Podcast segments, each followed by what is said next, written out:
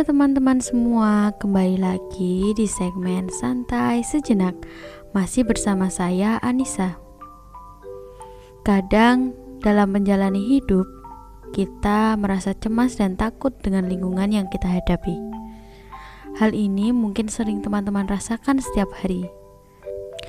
Jika teman-teman merasakan hal itu terus-menerus dan teman-teman merasakannya di segala hal, bisa jadi teman-teman sedang merasa insecure.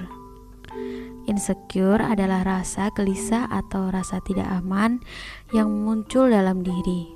Hal itu menyebabkan kurang rasa percaya diri.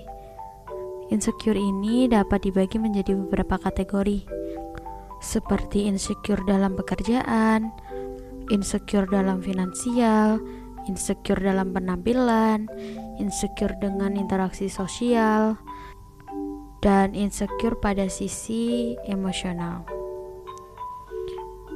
Saya yakin teman-teman pernah merasakan insecure pada suatu hal yang baru, sehingga kita mulai merasakan ragu pada diri sendiri.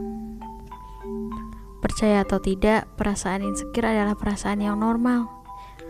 Jika teman-teman bertanya tentang mengapa perasaan insecure itu normal dan apa yang harus kita lakukan ketika insecure itu datang? Pada episode kali ini, saya akan menjelaskan mengenai penyebab dari insecure dan juga mungkin beberapa trik untuk mengatasi insecure. Teman-teman pasti bertanya-tanya mengenai apa sih penyebab dari insecure. Pada dasarnya, semua manusia memiliki harga diri Harga diri adalah perasaan seseorang yang tentang seberapa berharganya dirinya. Harga diri ini ada bukan hanya karena dari diri kita sendiri, melainkan ada penilaian dari orang lain yang menentukan seberapa berharganya diri kita. Seringkali kita sebagai manusia membandingkan diri sendiri dengan orang lain ketika teman-teman bertanya tentang seberapa berharga diri teman-teman dibandingkan dengan orang lain. Kemudian, teman-teman merasa bahwa diri sendiri ini tidak lebih berharga dari orang lain. Pada saat itu, mulai muncul perasaan insecure. Lalu, apakah insecure artinya tidak berharga? Tidak, bukan seperti itu. Ingat, Albert Einstein pernah berkata, semua orang itu jenius, tapi jika kamu menilai ikan dari bagaimana cara dia memanjat pohon, ikan itu akan percaya bahwa dia bodoh seumur hidup. Perumpamaan ini menunjukkan bahwa seseorang jenius dengan cara masing-masing. Lalu, apa kaitannya? Kita belajar bahwa manusia adalah makhluk yang kompleks dan tidak bisa diprediksi.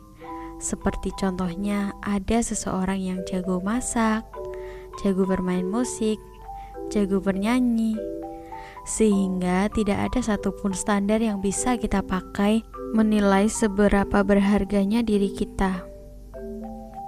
Lalu, siapa yang harus menentukan standar dari diri kita sendiri?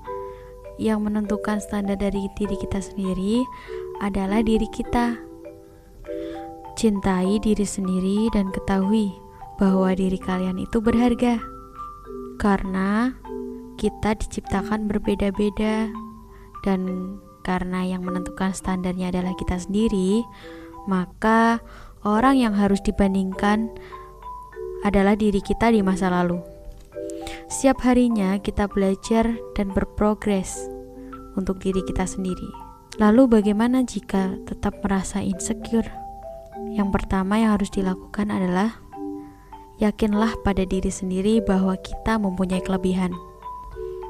Seperti contohnya, teman-teman kurang percaya diri jika berbicara di depan umum. Tapi teman-teman adalah seorang pendengar yang baik, selalu menepati janji, dan pemberi nasihat yang handal. Kemudian yang kedua, membuat catatan hal yang berhasil teman-teman lakukan dengan baik pada hari itu. Contohnya, teman-teman mengerjakan tugas tepat waktu, atau teman-teman berhasil belajar mengendarai motor Dengan begitu, teman-teman akan memasukkan gambaran positif tentang diri teman-teman ke dalam alam bawah sadar. Sampai ketika teman-teman merasa insecure, teman-teman akan teringat akan hal-hal baik yang sudah teman-teman lakukan. Itu dia sedikit trik simple yang bisa saya sampaikan. Semoga episode kali ini dapat memberikan insight untuk teman-teman agar teman-teman dapat belajar dan berkembang lebih baik. Sampai jumpa di episode selanjutnya.